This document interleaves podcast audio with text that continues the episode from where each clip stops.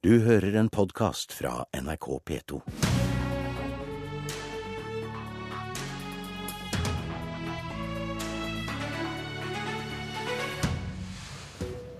Uanstendig, sier Snorre Valen om KrF, som skryter av at barnetillegget for de uføre er reddet. Overflateparti, sier Stefan Heggelund om SV og Valen. Har man ikke noe å bidra med, får man pynte seg isteden. Du skal få dele ut en ørefik før du får en selv, Snorre Valen. Finanspolitisk talsmann i SV, velkommen. Takk. Hva er det som er uanstendig ved KrF? Det er måten de framstiller det som er eh, kompromiss, som full seier. Eh, og det syns jeg er spesielt ille når det gjelder f.eks. barnetillegget for uføre. Der Knut Arild Hareide har sagt at eh, KrF har vunnet en full seier, at barnetillegget er redda. Men når det nå viser seg, da, ifølge regjeringa, at 1400 familier kommer til å miste mange tusen kroner i støtte hvert år, og det rammer 4500 barn. Og Da syns jeg KrF mye heller burde vært ærlige. Jeg veit åssen det er å være et lite parti som forhandler med store partier. Da vinner du ikke alt. Men da burde man sagt at det her var så langt vi kom. Har de forsøkt å skjule det? Jeg mener det, for jeg har spurt KrF gjentatte ganger hvilke utslag får dette for de mest vanskeligstilte familiene, og de som hadde lavest inntekt før de ble syke og uføre. Og de har ikke kunnet svare på det. og det gjør at jeg opprinnelig har tenkt at KrF ikke helt har hatt oversikten over hva de egentlig har framforhandla, men, men nå sier de at dette er det de mener er en full seier, og da er det jo bare å registrere at de syns disse kuttene er greit. Men da burde de sagt det med en gang. Kjell Ingolf Ropstad fra KrF, hva syns du at Madvalen kaller dette? Uanstendig, og dere har forsøkt å skjule det? Ja, Det undrer meg jo veldig, for vi har vært veldig tydelige på og vi har ment hele veien. Og det er jo som med barnetillegget for uføre, at det har vært noen positive sider med det, og så har det vært noen uheldige sider med det. Og Tidligere i denne studiet så har en diskutert hva en skal gjøre for å unngå at noen personer får mer i trygd enn det de hadde når de var i arbeid. Og Regjeringa forslag var å gjøre det om til en standardisert tillegg, sånn at en mista istedenfor å kunne få opp til 35 000 per barn, så var den standardisert til 7000 per barn. Vi ønsker det behovsprøvde, sånn at de som trenger det, får det, og ikke en standardisert. Så Derfor så vant vi fram med at det behovsprøvde barnetillegget bevares. Og for å unngå de uheldige virkningene med at du kan bli overkompensert, nemlig å få mer i uføretrygd pluss barnetillegg enn det du hadde når du var i arbeid, så innførte vi et tak, sånn at du nå ikke kan få mer enn 95% av det du hadde før du ble ufør. Og, og dette, har dere vært ærlige, ærlige på hele tiden? Ja, så på, ikke skrytt på dere nå? Nei. Eh, og Derfor sa Knut Arild Hareide på pressekonferansen at han eh, hadde full seier, fordi at vi både tok vare på det behovsprøvde barnetillegget, og vi gjorde noe med det vi mente var uheldige nemlig at du ikke skulle få da mer i trygd og barnetillegg enn det du hadde før du var ufør. Problemet med løsninga KrF har kommet fram til, er for det første at den oser litt av moralisme. For det er ikke alle som har hatt en særlig høy inntekt før de har blitt syke og ufør. Eh, mange har vært syke i lang tid. Eh, og Det betyr jo at det kuttet KrF gjennomfører, det sørger for at de som trenger barnetillegget aller mest, er de som får kutt. Altså en ufør forsørger som er gift i en lavtlønt familie og har fire barn, fratas mer enn 30 000 kroner i året. Det er et enormt kutt. Eh, det KrF mye heller burde ha gjort, var å si rett ut Jeg trodde de var enige med, med SV i saken der. Og si rett ut at vet du hva, i Norge er det sånn at noen skal få mer i uføretrygd enn de tidligere hadde i jobb, hvis de hadde en veldig lav inntekt. Men, men det vil de få, fordi vi har noe som heter minste uføretrygd. Og det betyr at hvis du har hatt en veldig lav inntekt, eller ikke har hatt inntekt i det hele tatt, så løftes du opp til hvis du er enslig, 3,5 G. Hvis du er ung ufør, så vil det være 4,5 G ganger 90 000, som vil bli nesten 4, rundt 400 000. Og Det betyr at i dag så er det jo sånn, men vi ønsker ikke den uheldige virkninga med at du i tillegg skulle kunne få ubegrensa oppad med barnetillegg. Så det som er jo et annet viktig poeng, er jo at i den nye uførereformen som Snorre Valen og SV var med og gjennomførte når de satt i regjering, så er det sånn at flere skal bli gradert uføre. At du skal eh, få 80 uføretrygd, mm. og så skal du bruke restarbeidsevnen din. Det kan bli en krevende ordning, det har vi advart mot. men i i den systemet der, så må det heller ikke bli sånn at det er mer eh, Eller at hvis du skal prøve deg i arbeid, så vil ikke det lønne seg. Fordi at du da mister f.eks. barnetrygd. Fordi én av tre uføre cirka, kan sikkert det kontrolleres, men det er ca. det som, som har arbeid i tillegg til uføretrygd. Mm. Og det kompliserer hele greia. og Derfor så mente vi at det ville være uheldig dersom du fikk mer utbetalt eh, i trygd enn det du hadde hvis du var i arbeid. Hva slags insentiver bygger man inn da Valen? For det er det du mener, at man i noen tilfeller så bør man kunne få mer i trygd enn hvis man hadde jobbet? Ja, Hvis du var lavtlønna i en deltidsstilling eller hadde minstelønn i en kommune, så mener jeg helt klart det. Og det er fordi de lønningene er for lave. Og det er en utvikling vi har i Norge òg, at vi har en del lavtlønnsyrker som er for lavt betalt. Og Vi i SV løser det i vårt alternative budsjett ved å sørge for at de som tjener lite, får Eh, de største skattekuttene eh, betalt av de som tjener mye. Da får du også et større rom å gå på for å sørge for at de mest vanskeligstilte i samfunnet kan få større ytelser uten at man kommer med det her det skal lønne seg å jobbe. Fordi jeg er helt enig i at det skal lønne seg å jobbe. Det er egentlig en selvfølgelighet, men det har blitt et veldig politisk lada uttrykk. For det man egentlig sier, mange når man sier det, er at det bør straffes å være syk.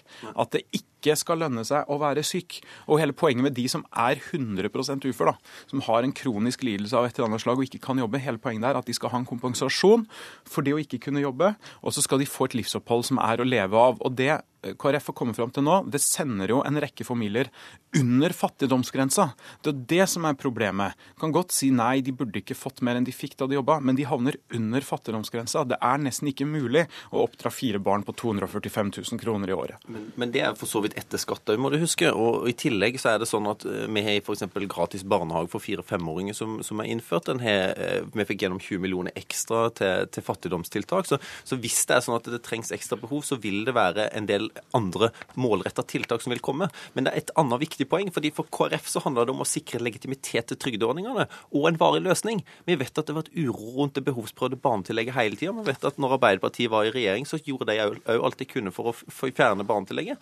Nå mener vi at vi har funnet en løsning som vil stå seg over tid. Vi har bevart behovsprøvde, og vi sikrer legitimiteten til trygdene. Valen, du kaller det uanstendig måten eh, mm. KrF har argumentert på, men du bruker ganske sterke ord om et parti som sett fra ditt ståsted sørget for at færre barn ble rammet?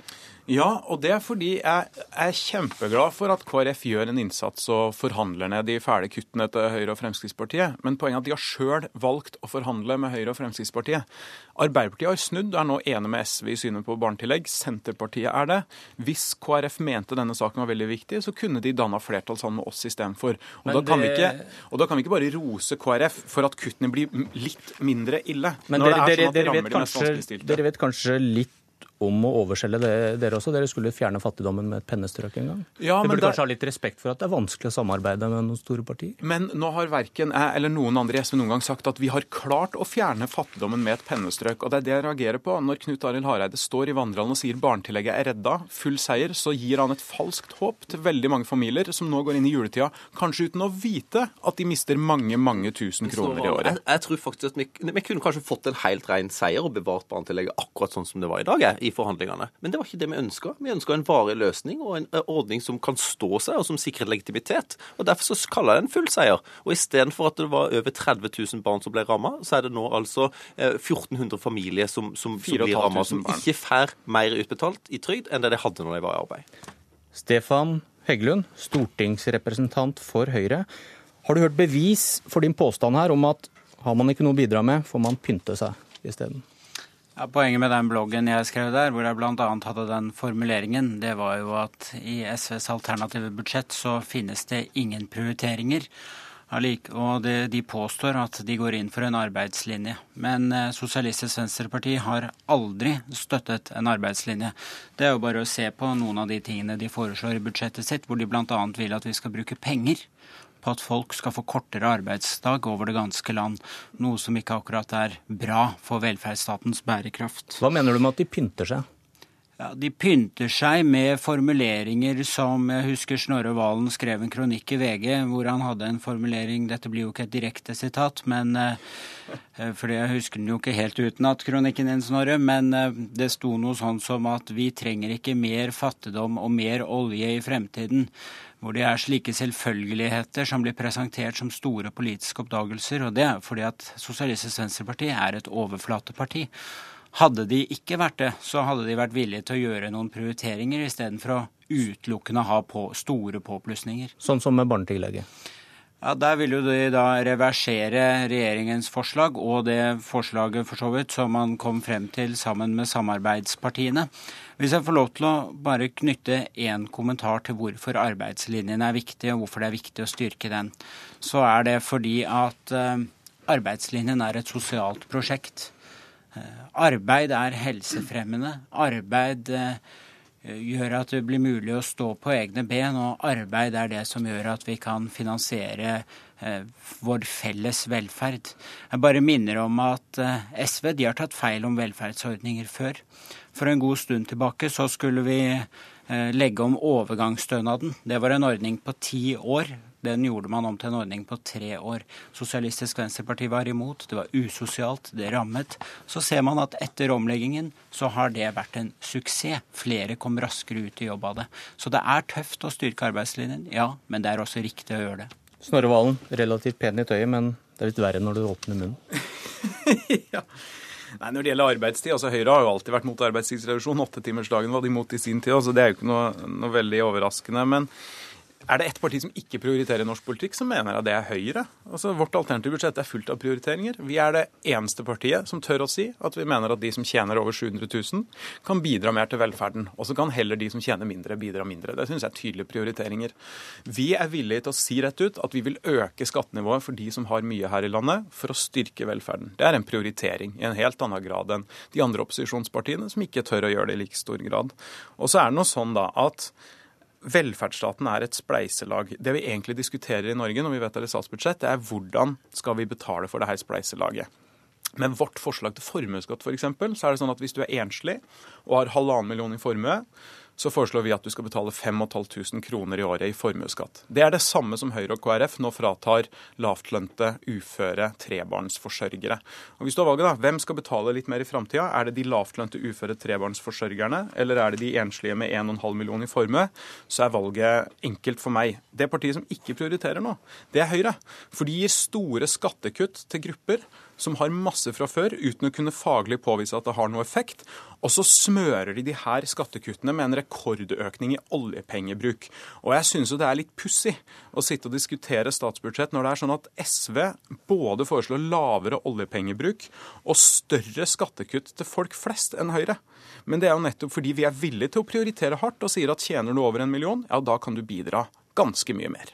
Ja, Men eh, dere øker totalt sett det offentlige forbruket, og jeg mener faktisk det er en forskjell på å øke det offentlige forbruket og å la folk få lov til å beholde mer av sine egne penger, eller å bruke det på det man kaller for vekstfremmende skattelettelser, som vi mener lettelser i formuesskatten er. Vi mener jo faktisk at det er ingen som tjener på at norske eiere har mindre penger å bruke på å investere. Men hvis jeg bare får ta dette med Nei, Jeg lurer litt på, Vi sitter jo med et parti til her som diskuterte i stad. Hvorfor rammes ikke KrF av kritikken du retter mot SV? Hvorfor skulle de det? De Norges dyreste partiprogram har vel eh, selv deres tidligere ungdomsleder eh, stempla det som? De foreslo å øke skattene med nesten 9 milliarder nå i år. Ja, men altså det... Du mener det er en forskjell? Jeg mener det er en forskjell. Kristelig Folkeparti er et borgerlig parti som det går an å samarbeide med og finne gode løsninger med. Det mener jeg denne høsten absolutt har vist. Så jeg kan ikke helt forstå hvorfor denne kritikken skulle ramme Kristelig Folkeparti. Det må jeg bare innrømme.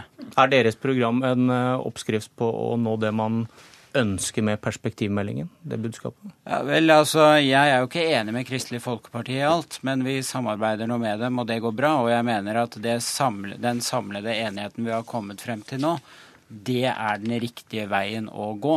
Det jeg syns er pussig, er at Sosialistisk Venstreparti, som satt i en regjering som la frem perspektivmeldingen, som satt i en regjering som fikk Uførepensjonsutvalgets innstilling, som satt i en regjering som fikk Velferds- og migrasjonsutvalgets innstilling, ikke har tatt noen lærdommer av dette, eller, eller har dere det, Snorre Valen? Hvordan reflekterer dette deres budsjett? Valen har et halvt minutt, og så må Ropstad få et halvt minutt også, så er vi ferdig. Perspektivmeldinga sier at vi trenger mer penger til å finansiere velferdsstaten i framtida. Eh, og det tar vi på høyeste alvor. Når vi jobber, når alle vi jobber i samfunnet, så skaper vi et overskudd. Og spørsmålet er hvordan skal vi bruke det overskuddet i framtida. Høyre vil bruke det på mer luksusforbruk til som, de som tjener mye. Jeg mener de penga mye heller bør gå til bedre skole, bedre helsestell og finansiere velferden. Og det kalles å prioritere. Det er Høyre som ikke klarer å legge fra seg skattepopulismen sin, og derfor gir de 39 000 i år i skattekutt til de som tjener over to mil. Det er dårlig prioritering. Ropstad, Jeg fikk et stygt blikk, blikk av Heggelund da jeg spurte om eh, dere også rammes av kritikken. Ja, og jeg, jeg syns jo ikke det er vi rammes av den kritikken i det hele tatt. Selvfølgelig. Nei, og, men, men, men det som vi har vært opptatt av, er å styrke de mest sårbare gruppene, og det er programmet vårt fullt av. Eh, Men vi er jo villige til å prioritere, altså, eh, og vi er villige til å gjøre viktige endringer. Altså, Kutter til vi har uføre, eksempel. Nei, vi, vi har vært med på de aller fleste reformene som er gjennomført, eh, som er flertall og forlik. Og så i tillegg så har vi vært med villige til f.eks. kutte i formuesskatten for å vente på Scheel-utvalget. Tiden rant ut. Takk for at dere var med i Politisk kvarter. Jeg heter Bjørn Myklebust. Du har hørt en podkast fra NRK P2.